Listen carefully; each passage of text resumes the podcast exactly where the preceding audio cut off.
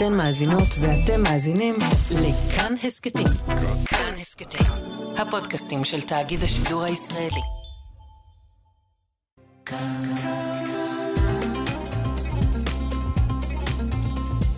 כאן תרבות. אנחנו כאן. כאן תרבות. בואו נניח לרגע את הספר ונקשיב. עכשיו, מה שכרוך. כאן תרבות.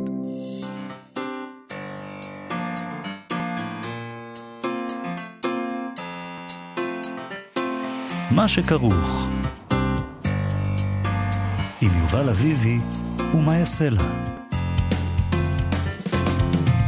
שלום, צהריים טובים, אנחנו מה שכרוך, מגזין הספרות היומי של כאן תרבות. אנחנו כאן בכל יום ב-12 בצהריים, בשידור חי, אתם מאזינים לנו ב-104.9 או ב-105.3 FM. אפשר גם להאזין לנו כהסכת באתר ובאפליקציה של כאן ובכל יישומוני ההסכתים. אנחנו גם עוקבים אחרי ההתראות הביטחוניות ונעדכן אם יהיה צורך. איתנו באולפן, איתה יש את המפיק שלנו על הביצוע הטכני, גיא בן וייס. שלום לכם, שלום יובל אביבי. שלום, יעשה לה? אה, יפתח אלוני, המו"ל של הוצאת אפיק, הוא איש של מסעות.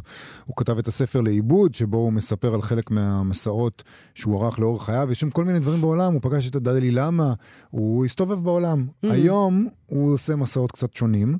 כבן קיבוץ מהנגב המערבי, הוא מסתובב בשבועות האחרונים האלה, במחוזות האלה של הילדות שלו, והוא מתבונן בהם, שרופים, שבורים, באנשים שעדיין שם, במה שנשאר, במה שנותר, ואנחנו נדבר איתו היום, נשמע ממנו למה בעצם הוא עושה את זה, למה הוא חוזר לשם, מעבר לצורך הברור להיות עם משפחתו, כן? אבל מעבר לזה, נראה לי שהוא עושה את זה. האם הוא יכול לכתוב את זה? הוא מנסה לכתוב את זה. אנחנו נדבר גם עם המשוררת דניאלה סער, שהיא מדריכה ראשית בבית ביאליק בתל אביב. שם מתקיים, אה, מתקיימת בימים האלה, בשבועות האלה, סדרת מפגשים על אה, חמש פואמות של ביאליק. מנחה את, ה, את סדרת המפגשים האלה אלישע הוכמן, וגם הוא יצטרף אלינו לשיחה. יופי, נדבר על ביאליק. מזמן כן? לא דיברנו על ביאליק. רק היה... בשבוע שעבר דיברנו. אנחנו חוזרים כן, לביאליק, נכון, אבל, אבל היום לא, לא על... אה, ספציפית, נכון. האירוע של השבוע לא מדבר על בעיר ההרגה. ולא על השחיטה. מדבר נכון. על שיר אחר, אנחנו נכון. נדבר עליו אחר כך. אנחנו מתחילים עם האקדמיה הבינלאומית והיחס שלה למלחמה, והתגובה הישראלית ליחס הזה, אה, אחרי שפילוסופים מאוניברסיטת אוקספורד הבריטית ניסחו מכתב גינוי לישראל והאשימו את תומכיה בתמיכה בטרור. התומכים בישראל תומכים בטרור. פרסמו בשבוע שעבר אנשי האקדמיה מישראל מכתב תגובה חריף, שעליו חתומים הפרופסורים נצחק בן בג'י מהפקולטה למשפטים באוניברסיטת תל אביב, מיכאל גרוס מבית הספר למדעי המדינה באוניברסיטת חיפה, דוד הד מהחוג לפילוסופיה באוניברסיטה העברית בירושלים, שאול סמילנסקי מהחוג לפילוסופיה באוניברסיטת חיפה, דניאל סטטמן מהחוג לפילוסופיה באוניברסיטת חיפה גם הוא, ונועם זוהר מהמחלקה לפילוסופיה באוניברסיטת בר אילן. במכתב שלהם, בין היתר, הם כותבים, המכתב הגלוי מציב אמות מידה בלתי אפשריות ללחימה, שאף מדינה אחרת לא נדרשה לעמוד בהן. עוד הם כותבים שם, המצב ההומניטרי בעזה, אשר כותבי המכתב מאשימים בו את ישראל, מופיע באופן מתמיה כשיקול המוסרי הרלוונטי היחיד לגבי מה שצריך ואפשר לעשות עכשיו. אנו מתנגדים בתוקף לעמדה הזאת. אנחנו רוצים לדבר על זה עם פרופסור דוד הד מהחוג לפילוסופיה באוניברסיטה העברית בירושלים. שלום דוד הד. שלום מאיה, שלום יובל. שלום. פרופסור הד, אתה אה, מתעסק בפילוסופיה של המוסר ובפילוסופיה פוליטית, אז אתה בדיוק הבן אדם המתאים לשאול אותו. אה, מה האנשים האלה לא מבינים באשר למלחמה הזאת? מה קומם אותם? אני חושב שהם סובלים גם מעיוות מוסרי מסוים, אה, איזו דעה קדומה אולי, אה, לגבי ישראל ופלסטין, וגם מחוסר היכרות עם העובדות. זה שילוב לא בריא של אנשים שיוצאים בקול קורא שמתפרסם בכל העולם. אבל אנחנו מדברים פה על פילוסופים מאוניברסיטת אוקספורד, נכון. וואו, אנשים ו... מכובדים, מלומדים, משכילים. אה, אנחנו, חותמי המכתב, מכירים אה, לא מעט מהם באופן אישי, אפילו מיודדים איתם, ואנחנו מאוד, אני מאוד מעריך חלק מהחותמים שהם ממש מומחים בתחומים האלה, ולכן הפתיע אותנו והרגיז אותנו. במיוחד המכתב הגלוי הזה שהם כתבו. והיה ביניכם דיאלוג על הדבר הזה? מנו, הם ראו את המכתב היה שלכם? היה בהחלט דיאלוג שנמשך למעשה עד, עד היום. עוד אתמול קיבלתי uh, uh, תגובה, אנחנו מקבלים כל שכל אחד מאיתנו מקבל מהאנשים שהם קרובים אליו ומעביר את זה לאחרים, ואנחנו ממשיכים אה, להתפלמס איתם, אה, לפעמים עד, אה, עד כדי כך שנמאס לשני הצדדים וההתכתבות נפסקת, אבל אני לא חושב שהם משנים כל כך בינתיים? את דעתם. זהו, לא, מישהו משתכנע? לא ממש השתכנע, אבל יש לי התחושה שהם בפעם הבאה, לפני שהם יחתמו על מכתבים מהסוג הזה, הם ייזהרו הרבה יותר. האם זאת מדובר ב- פשוט באנטישמיות? לא, אני לא חושב. אוקיי. אני לא חושב. הם גם uh, מאוד נעלבים אם אפילו רומזים להם. אנחנו השתדלנו לא להגיד את זה גם במכתב שלנו. אנחנו לא, לא מייחסים להם אנטישמיות. אני חושב שזה גם טעות לעשות ב, בתחומים אחרים של ההסברה הישראלית. Uh, אני חושב שהם לא אנטישמים גם מתוך היכרות אישית. אני חושב שהם ב- נופלים בפח של ההזדהות האוטומטית עם כל המדוכאים בעבר ובהווה, הכבושים, החלשים, הלא לבנים בעולם. האם כן. הם, הם מודעים למה שקרה ב-7 באוקטובר? זהו, שאני חושב שהם הם, הם מודעים ומייחסים להם משפט אחד הם מקדישים במכתב שלהם לזוועות, atrocities, שבוצעו ב-7 באוקטובר, אבל לא מעבר לזה. הם לא התרשמו מזה במיוחד. הם, אני חושב שכן, קשה היה לא להתרשם, אבל ברגע שישראל יצאה למבצע הקרקעי והתחילה להפציץ בעזה, כל התמונות, גם באמצעי התקשורת, שהם חשופים אליהם, באנגליה, בארצות הברית, אה, אה, שינו את, ה, את הפרספקטיבה. אז אני רוצה לשאול אותך, מה, כפילוסוף, ו- ואם אתה יכול להגיד לי גם מה הם חושבים, זה בכלל יהיה נפלא, מה התגובה המוסרית המתאימה אה, למעשה ברברי הזה שנעשה בנו ב-7 באוקטובר? מה, מה התגובה המוסרית אז המ- אנחנו- הנכונה? התגובה מבחינתם הרצויה הייתה אה, למעשה לא לעשות הרבה, לנסות להתגונן יותר. אחד מהם כותב שצריך אה, לחזק את החומה ואת אמצעי ההתגוננות שלנו. אה, אחר אה, כותב אפשר באמת לנקוט באמצעים צבאיים מסוימים לצורך הרתעה. אה, יש אדם קיצוני יותר שהרגיז אותי במיוחד, שאמר שאנחנו צריכים להציג בפניהם מודל מוסרי של תגובה מוסרית שעולה בקנה אחד עם עקרונות המוסר והחוק הבינלאומי, ועל ידי זה אנחנו, יש לנו סיכוי טוב יותר להביא אותם בעצמם אה, להשלים עם ישראל ולשאת ולתת איתה, מאשר אם אנחנו מתקיפים אותם, מה שיגרום לנקמנות מצידם. זה נראה לי אה, תגובה מאוד פשטנית, מאוד... אה, לא רגישה למניע של חמאס מבחינה אה, אידיאולוגית ופוליטית ודתית. אני חושב שהם לא מבינים עד כמה הרעיון של החמאס הוא השמדת מדינת ישראל. כלומר, יכול להיות- להם, אה, יכול להיות שכחלק מפילוסופיה של המוסר, יש פילוסופים של המוסר שיגידו שנקמה, או אה, תגובה אה, בלתי מידתית שתרתיע את הצד השני לשנים ארוכות, היא הדבר המוסרי לעשות. כן, אז אני יכול להגיד גם משהו על נקמה, שזה נושא שמעניין אותי באופן כללי, גם בעבודה שלי. אה, אז נקמה היא, לדעתי, היא מושג ביחסים בין אישיים. אתה רוצה לנקום במי שפגע בך, אתה רוצה במו ידיך להעניש אותו. לא מספיק לך שהמדינה תעניש אותו, או איזה צדק פואטי כזה, אה, הוא יחלה במחלה קשה, זה לא מספיק לך. אתה רוצה במו ידיך לחתום אה, על זה. לגרום לו לנזק. אבל מדינה אסור לה להיות נקמנית. זה גם מה שאמרנו למבקרים שלנו. אין כאן שום נקמה. מדינה לא צריכה ולא יכולה לנקום. היא מוסד, היא לא, היא ארגון, היא קולקטיב, היא לא, היא לא אה, איש או אישיות שבעלת רגשות נקם. אבל יכול להיות שבלב הקולקטיב מפעם- מפעמים רגשות נקם. כן, בקרב אנשים פרטיים, בקרב, בקרבנו, אנשים אינדיבידואלים. אנחנו יכולים אה, אה, להרגיש רצון בנקם, אבל המדינה, כמו שבמשפט הפלילי, אנחנו לא רוצים שהשופטים שלנו יהיו נקמנים. זה נכון שמי שנפגע ורואה את העבריין אה, נשפט בבית אה, משפט, הוא רוצה לנקום בו, אבל השופט לא צריך להיסחף, אה, ולכן אני חושב שהמניע שלנו זה הגנה עצמית, ואנחנו חשבנו שההגנה העצמית מצדיקה את הפעולות שישראל עשתה, כולל ההפצצות והמשבר ההומניטרי שאנחנו אנחנו לא מכחישים את קיומו. אנחנו גם, בשבילה- אנחנו גם עוסקים פה בפילוסופיה של המוסר, נכון? אז נכון, אנחנו נכון, יכולים להרשות בעיקר. לעצמנו להיות אה, היפותטיים ולהגיד שאחד מהעקרונות המנחים של פילוסופיה של המוסר זה איזשהו מושג של greater good, נכון?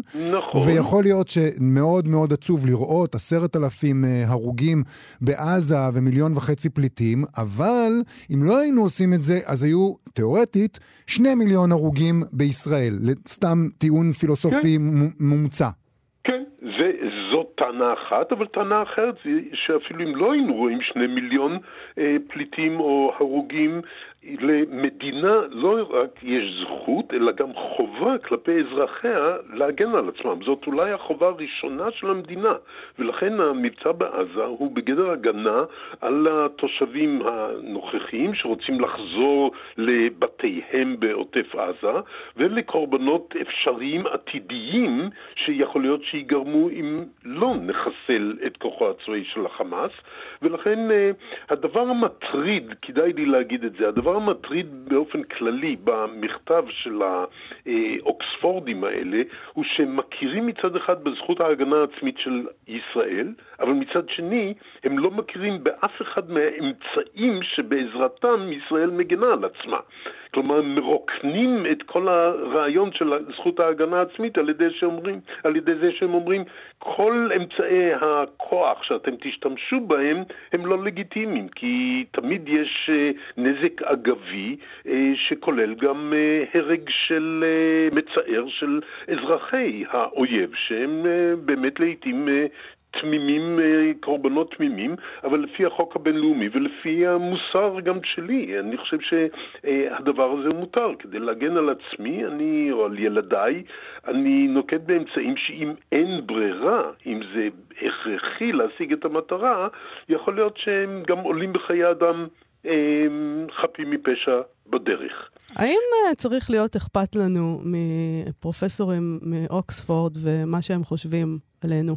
אני חושב שכן, משום שיש, הפרופסורים האלה הם מאוד ידועים, העצומה שלהם הופצה ב, גם בארצות הברית, בכל העולם, והייתה לה השפעה. אני, לשמחתי, גם אה, אנחנו הצלחנו להפיץ את מכתב התשובה שלנו באותם, אה, פחות או יותר באותה מידה, אבל אה, אני חושב שכן צריך לחשוב על זה, כי הם בכל זאת אליטה שיש לה השפעה על...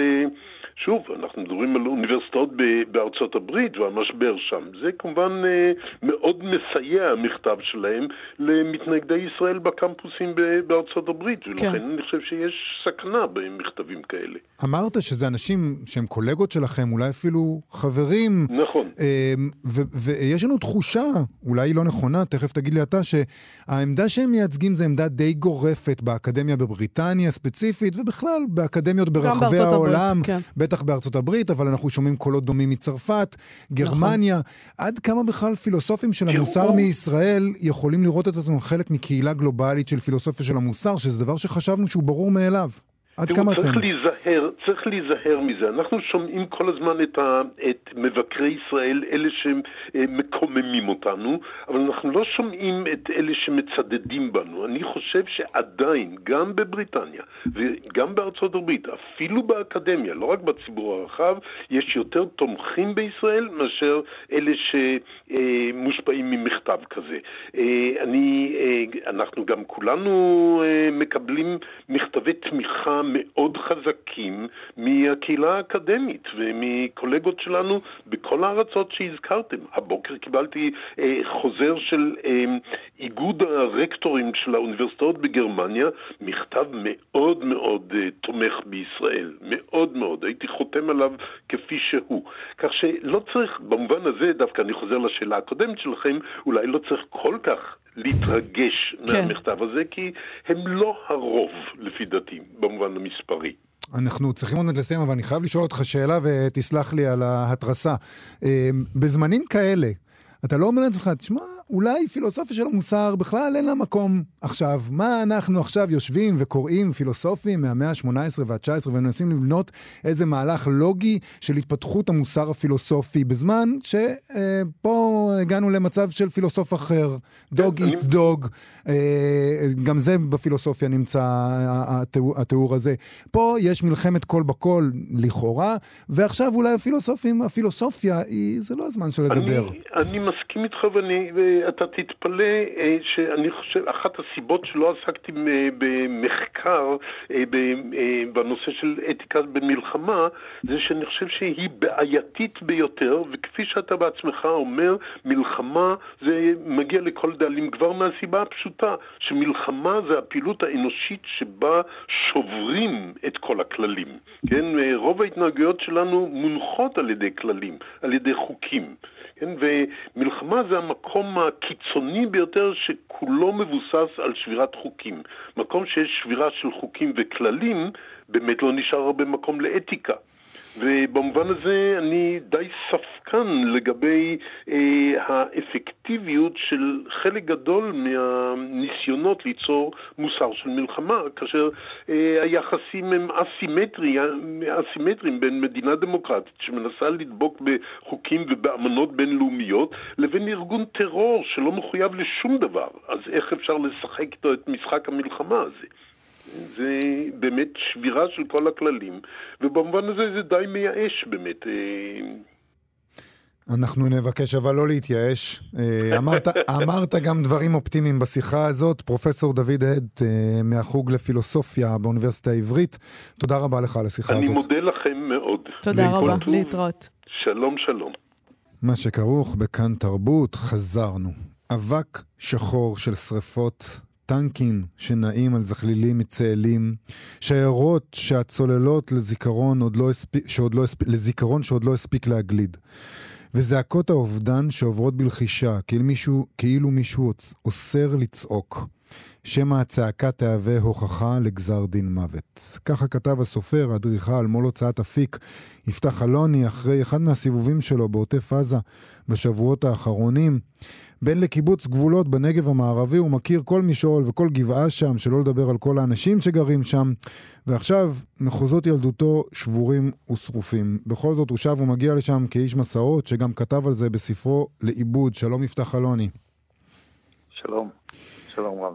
תגיד, מעבר לצורך לדאוג למשפחתך, מדוע בעצם אתה מסתובב שם עכשיו? למה, למה לעשות את זה לעצמך? אבל אני צריך לחשוב על זה. תראה, אני חושב שאנחנו עוד בתוך הקדיש, זה חלק מהקדיש. אני חושב שמשהו פנימי מושך אותי. תראה, אני נולדתי במרחבים האלה וגדלתי בתוכם, וזה חלק מתיבת התעודה שהתפתחה בתוכי. אני מרגיש קשור לשם, מעבר לזה שכאדריכל תכננתי את דרך הבשור ואת הגשר התלוי המפורסם, או למי שמסתובב שם. וזה זה, זה חלק מעניין נשמה שלי. אני כותב הרבה גם על הקשר של אבי למקום ואימי, ואני חושב שהדבר הזה, לא אדם הוא תבנית נוף מולדתו, אמר מישהו, לא? אמר, כן. מה אתה רואה כשאתה נוסע לשם? עצב גדול. הרס. הרבה הרס, הרבה... המישורים האלה הם אה, כאילו משהו נפגם בהם, הם נפתחו כמו פצע גדול. ועכשיו אה, אני לא יודע איך ירפאו אותו. אני לא יודע מי ירפא אותו, אני לא יודע אם ניתן בכלל, אה, או באיזה אופן ניתן לרפא אותו, הכל נהיה אחרת. אני חושב שנעקרנו ממעגל של זמן שהיה בא והולך ובא, ופתאום הוא התאבן נוכח מה שקרה. וכאילו נפעל איזה בולען בלב המציאות, ואנחנו נשאבים לתוכו, אז אתה שואל אותי מה אני רואה. אה, אני, אני, אני לפחות מאוד מאוד עצוב. פתאום הדברים חוזרים אחורה, כאילו יש איזה מין התגלגלות אחורה. אני יכול לספר את הסיפור אה, שהייתי בן... אה, גדלתי די לבד בקיבוץ, מי שמכיר את ההיסטוריה של גבולות, קיבוץ שכמעט ננטש ב-1960, אבל... ואז לא היו, לא קראו לזה מחבלים, קראו לזה פדאין, כן. או פדאיונים. והייתי בן איזה חמש או שש, הייתי כמעט לבד בבית הילדים. ו...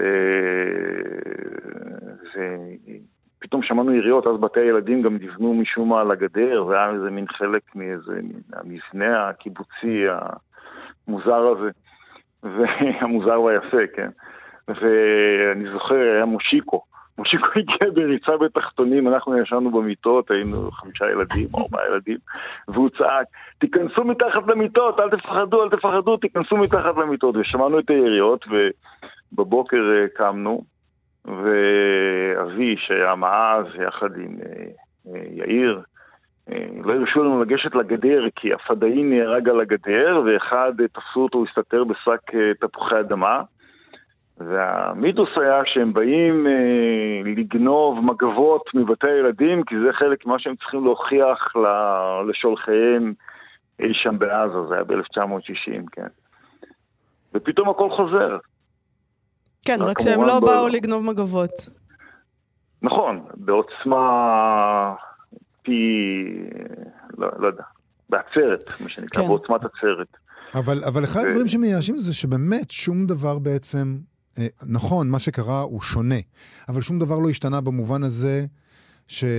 שאנחנו נמצאים פה כל כך הרבה זמן ולא הצלחנו להסיר מעצמנו את האיום הזה. נכון, אני חושב ש...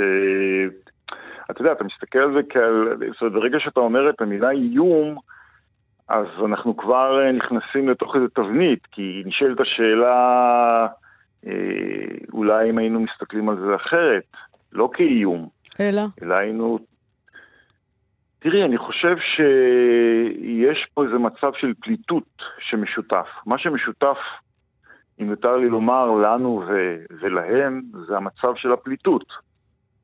עכשיו, אפשר uh, לנתח אותו, לדבר עליו רציונלית, לדבר עליו uh, במחשבות כאלה או אחרות, אבל uh, אני חושב שהפליטות הזאת היא הדבר המשותף. אם, היה, אם הייתה שיחה על פליטות, ובעצם האם ניתן בכלל לרפא את, ה, את, ה, את הפליטות הזאת.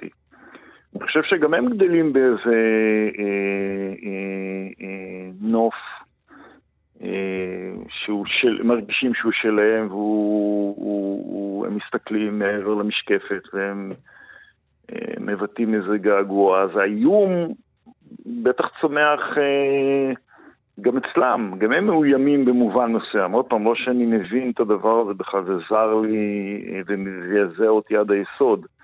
לא, יש להם דרך מעניינת לבטא את הגעגוע שלהם.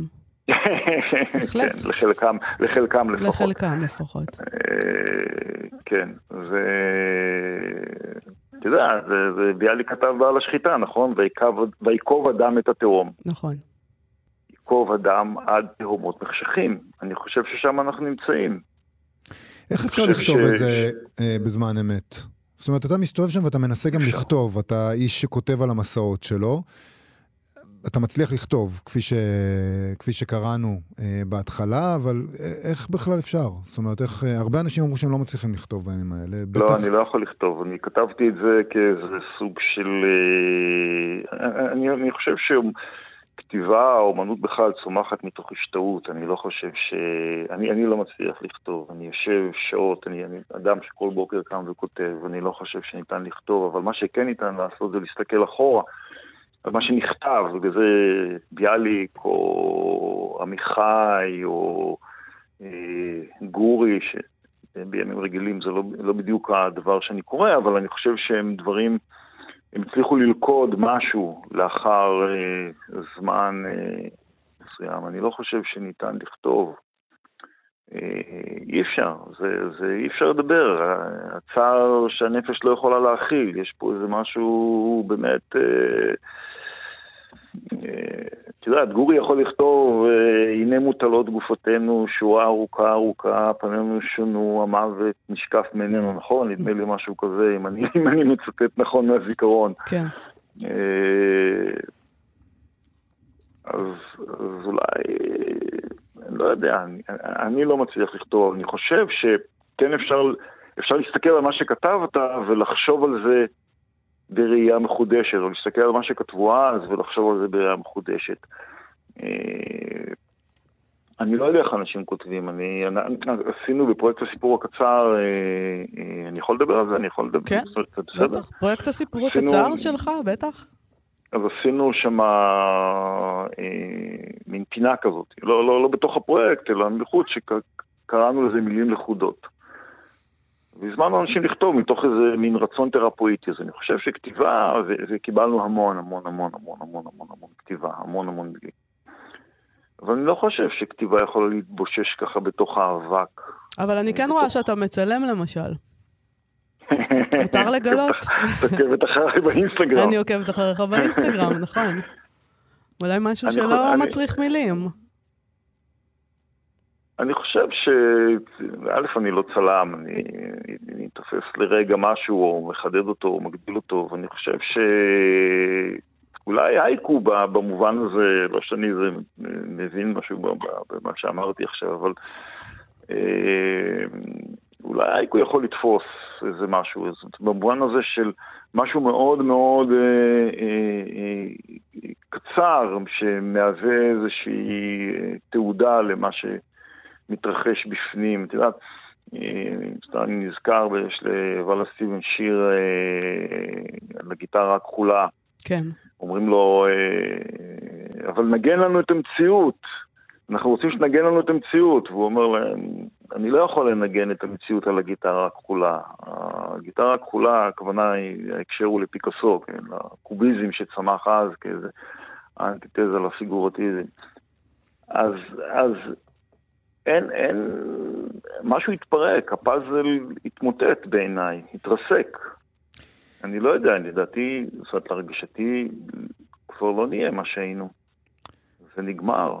אני, תראה, אני מדבר עם, נגיד, דוד שלי, שהוא ישב בממ"ד הרבה שעות בנירים, אה, והוא אמר לי, דבר מדהים, התקשרתי אליו בשבע וחצי בבוקר באותה שבת, שביעי לאוקטובר, והוא אמר, תכף זה ייגמר, כאילו, המטח וזה, ואז הוא, הוא כל איזה חצי שעה דיברנו, הוא אומר לי, אני שומע אה, יריות, בטח חיילים שלנו נכנסים פה לקיבוץ ו- ומחפשים את המחבלים ותכף זה ייגמר. ואז הוא אמר לי, אני שומע ערבית. בטח החיילים הביאו מסתערבים, הוא אומר לי, כדי שיקראו בערבית כן. ויוציאו אותם מהמחבור, כאילו. כי אי אפשר להאמין. אמרתי לו, אריה, זה, זה לא מסתערבים, זה, זה הדבר עצמו, זה מחבלים, יש לך מחבלים בקיבוץ. כן. והוא אמר לי, טוב, אני, אני בן 91, כן? הוא אמר לי, אני דורך את האקדח, אותי הם לא ייקחו. ו... אדיר, אדיר, אדיר. הוא ישב שבע וחצי שעות בממ"ד. וואו. אה, אה, וזו הפעם הראשונה ששמעתי, אה, מי שמכיר את דמות, זה, זה דמות של אדם אה, טולסטויאני כזה, הוא גם אה, חוקר טולסטוי וזה, ו...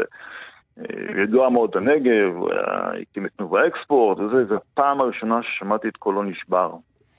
וגם אחר כך שדיברתי איתו, ואני מדבר איתו, אני שומע את קולו, זה אה, נוסף למיתר הזה, למיתרי הקול, איזה, איזה טון אחר. כבר לא בטוח. אז אתה שואל אותי איך חיים עם האיום הזה.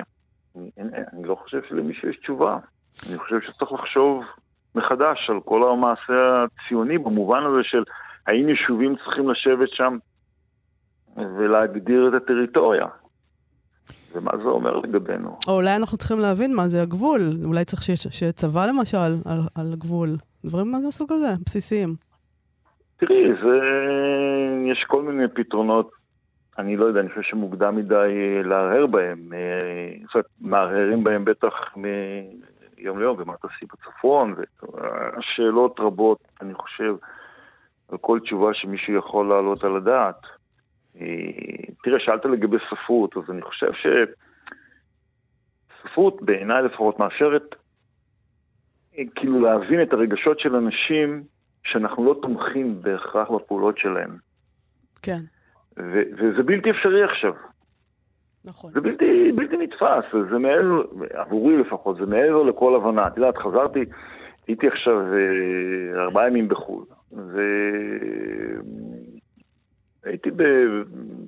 הייתי בסרביה, בבלגרד, שהתמיכה שם בישראל היא, או בנו, היא מעל ומעבר, כן.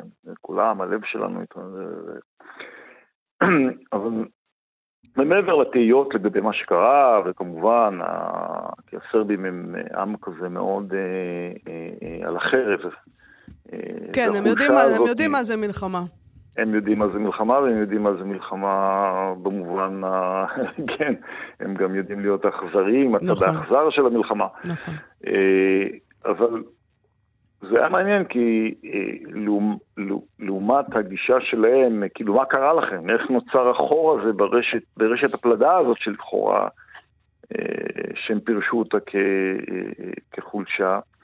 אז טסתי חזרה וישב לידי במקרה נשיא לטביה, בא לארץ. נשיא לטביה במקרה ישב לידך, בסדר. במקרה, ממש, אה, באה בדלת, אומרת לי, אתה יודע מי יושב לידך? היא אומרת לי, נשיא לטביה. אני נודם כזה, בחיי. חשבתי שתגיד ז'יז'ק או משהו.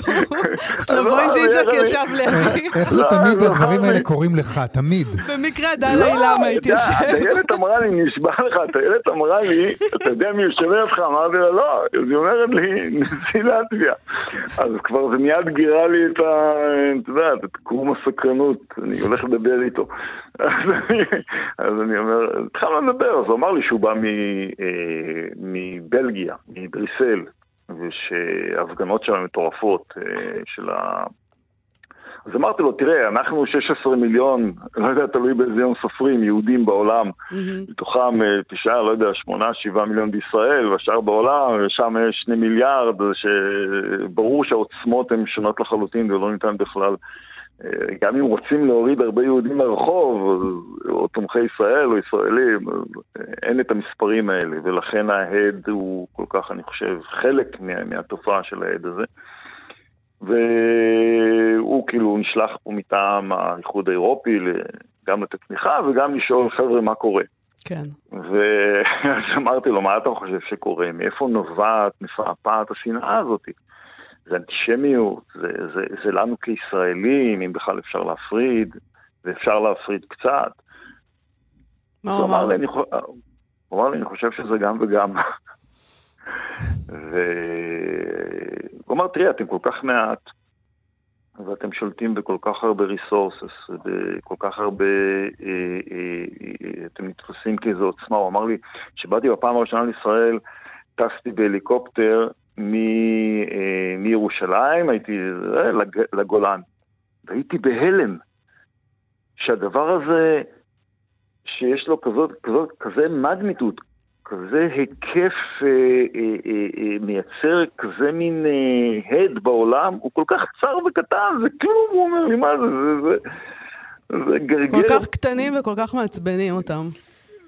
בדיוק, כל כך קטנים ומעצבנים. יפתח, אני רוצה לשאול כן. אותך לסיום, אתה גם אה, מו"ל של הוצאת אפיק? מה קורה... ככה אומרים. מה קורה עם זה בימים אלה? זה גם ככה לא היה קל, עכשיו זה בטח עוד יותר מסתבך. אה, תראי, אפיק, אה,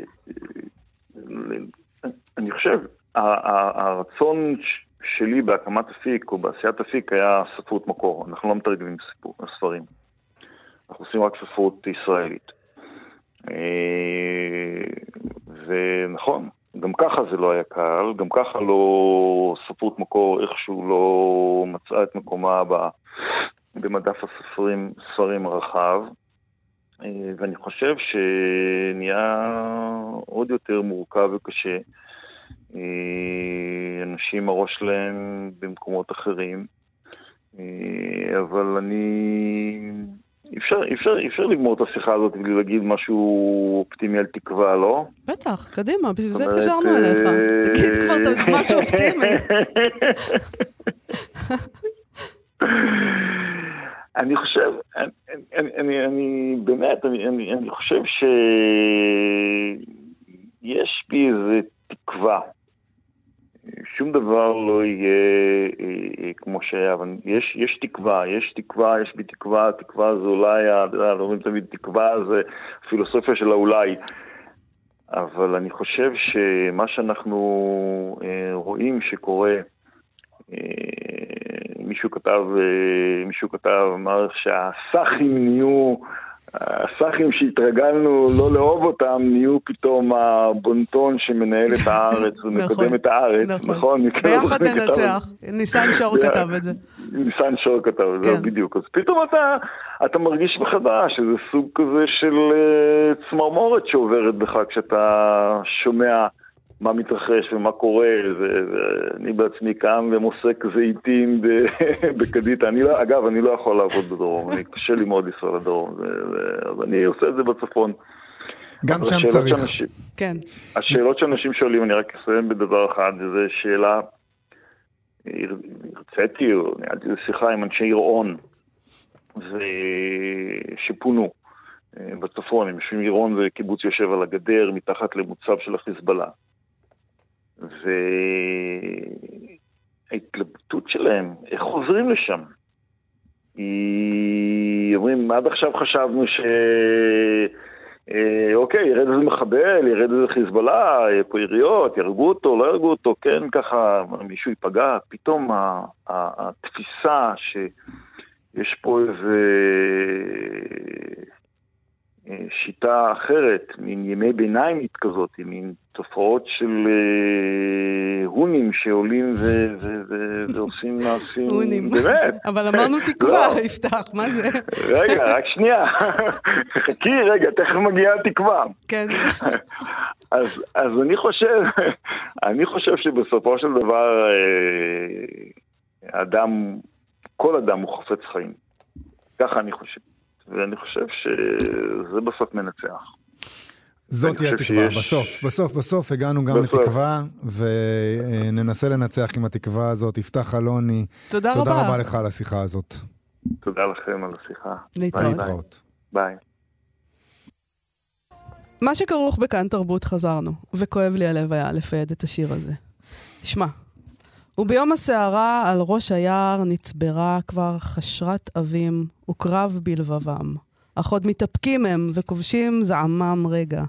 ובסתר רעם תרגז בטנם, ואב אל אב כמבשר רעה קרובה, שולח רמזי ברקים בחיפזון. היכונה. זה ביאליק, אה, מתוך הפואמה הבריכה, שתעמוד במרכז מפגש זום של בית ביאליק, שיתקיים ביום שלישי, מחר, מחר, נכון? כן, מחר. בשמונה בערב. זה מפגש שני מבין חמישה, אה, שהם הם עוסקים בו, בכל אחד אה, מהמפגשים, באחת מהפואמות הגדולות של ביאליק.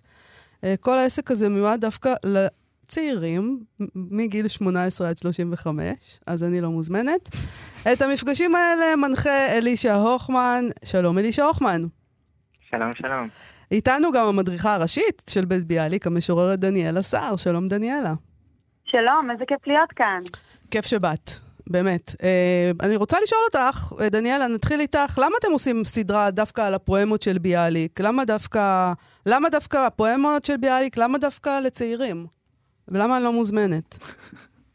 קודם כל, אה, אנחנו לא בודקות תעודות זהות בכניסה, אז את ממש אה. מוזמנת. אוקיי. אמ, אז אה, בעצם אה, מחלקת החינוך שלנו אה, מאוד עוסקת בלפתח יוזמות שמגיעות מבפנים, מתוך הצוות, ואלישע הביא את היוזמה הזו. הוא הציע שנקרא בפואמות. אני מאוד שמחה על ההצעה הזו שלו. והפנייה לקהל הצעיר היא מגיעה מתוך איזשהו ניסיון שלנו במוזיאון שאמור היה להיפתח מחדש ביום חמישי. אה, לפנות לעוד קהלים, לפנות לעוד אה, מקומות שלא הגענו אליהם קודם, אה, ודווקא לאתגר את עצמנו, כי נראה לי שאם יש משהו שהקהל הצעיר לא עושה, זה יושב וקורה בפואמות של ביאליק. אלישע, מה יש בפואמה הזו? מדוע... על מה תדברו כן, בעצם? בואי מה- נדבר קצת על הבריכה. קצת- קצת בריכה, כן. אמ, טוב, אז קודם כל, אה, אני חייב לציין שאני פחות אה, במפגשים האלה מתכוון לבוא וללמד את הפואמה, אנחנו יותר מכוונים לקריאה ביחד של הפואמה, והקהל ביחד אה, מפרש אותה. כלומר, אני לא מביא את כל הידע.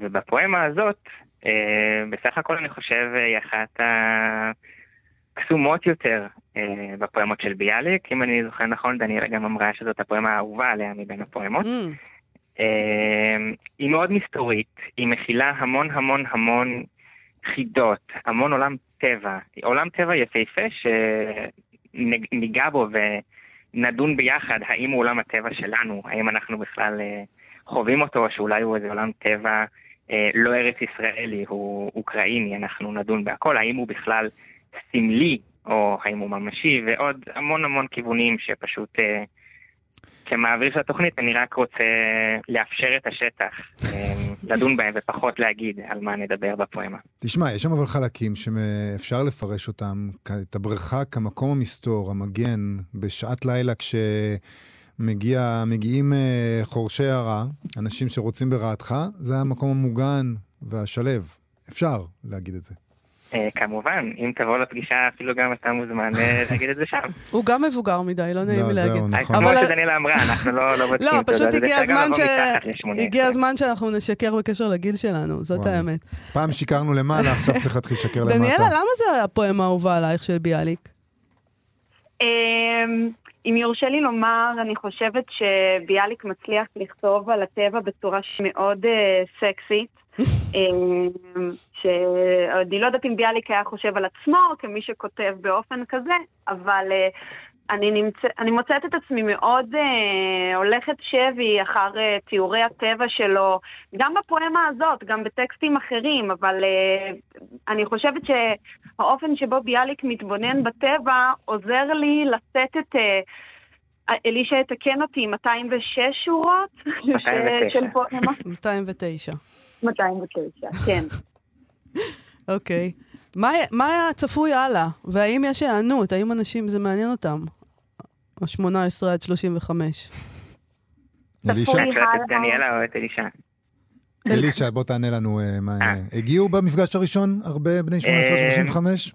הגיעו מספר מסוים, כן, ה- אנחנו עדיין עובדים, אני חושב, על ההפצה ואיך להגיע לקהלים האלה, אז זה תהליך שנבנה תוך כדי. אה, אני לפחות אה, יודע שלמפגש הקרוב הצלחתי להביא יותר אה, אנשים, אז אני מאוד שמח. והם משתתפים ו- באופן פעיל? זאת אומרת, הם עושים את מה שאתה מצפה מהם ומציעים את הפרשנויות מבריקות כמו הפרשנות שאני הצעתי? אה, בסופו של דבר כן, ואני חייב לציין גם שלא כל פרשנות להיות מבריקה, לפעמים אה, דווקא הפשוט הוא הכי, הכי בנאלי וטוב. אה, אבל כן, אנשים משתתפים, ואני אישית מאוד נהניתי מזה. אז מה יהיה במפגשים הבאים, חוץ מהבריכה, שיהיה השבוע? אז שבוע שעבר קראנו את הפואמה מתי מדבר. Mm. השבוע, כלומר מחר נקרא את הבריכה, בשבוע הבא נקרא את המתמיד של ביאליק, שיהיה כיף. אה, נצלול אל אה, קורת בית המדרש ומאיפה בעצם אה, ביאליק או כולנו מגיעים. בשבוע שאחר כך ניגע בעיר ההרגה, שאני חושב שבגלל שהיא הכי טעונה במיוחד במצב הנוכחי, אז שמענו אותה כמעט לסוף. ובשבוע האחרון ניגע, בוודאות לא נצליח לסיים את מגילת האש, שלא משנה כמה נצלול לתוכה, אני לא בטוח שנוכל להבין משהו, אפילו ביאליק בעצמו אמר שהוא לא לגמרי מבין מה הלך שם. תענוג, כיף שאתם עושים את זה. מאוד. ואין דבר יותר טוב מאשר אה, לקרוא שירה שאפילו המשורר מודה שהוא לא לגמרי סגור על מה היא אומרת. זה, זה תעודת האחריות שלך שאתה יכול לעשות מה שאתה רוצה. בדיוק. אז uh, כל זה פתוח uh, לציבור הרחב, uh, שפרטים בקשר לזה אפשר למצוא נכון בפ... בפייסבוק של uh, בית ביאליק. דניאל סער, אלישע הוכמן, תודה רבה לכם על השיחה הזאת. תודה רבה לכם. תודה להתראות, רבה. תודה רבה. אה, עם זה אנחנו מסיימים, נכון? כן. אה, אז נגיד אה, תודה לאיתי אשת, המפיק שלנו, וגם נגיד תודה לגיא בן וייס, שהיה על הביצוע הטכני, ונזמין אתכם ואתכן לבקר בעמוד הפייסבוק שלנו, כרגיל, חפשו מה שכרוך בפייסבוק, ותגיעו ישר אלינו. אנחנו נהיה פה שוב, מחר. להתראות. אתם מאזינים לכאן הסכתים, הפודקאסטים של תאגיד השידור הישראלי.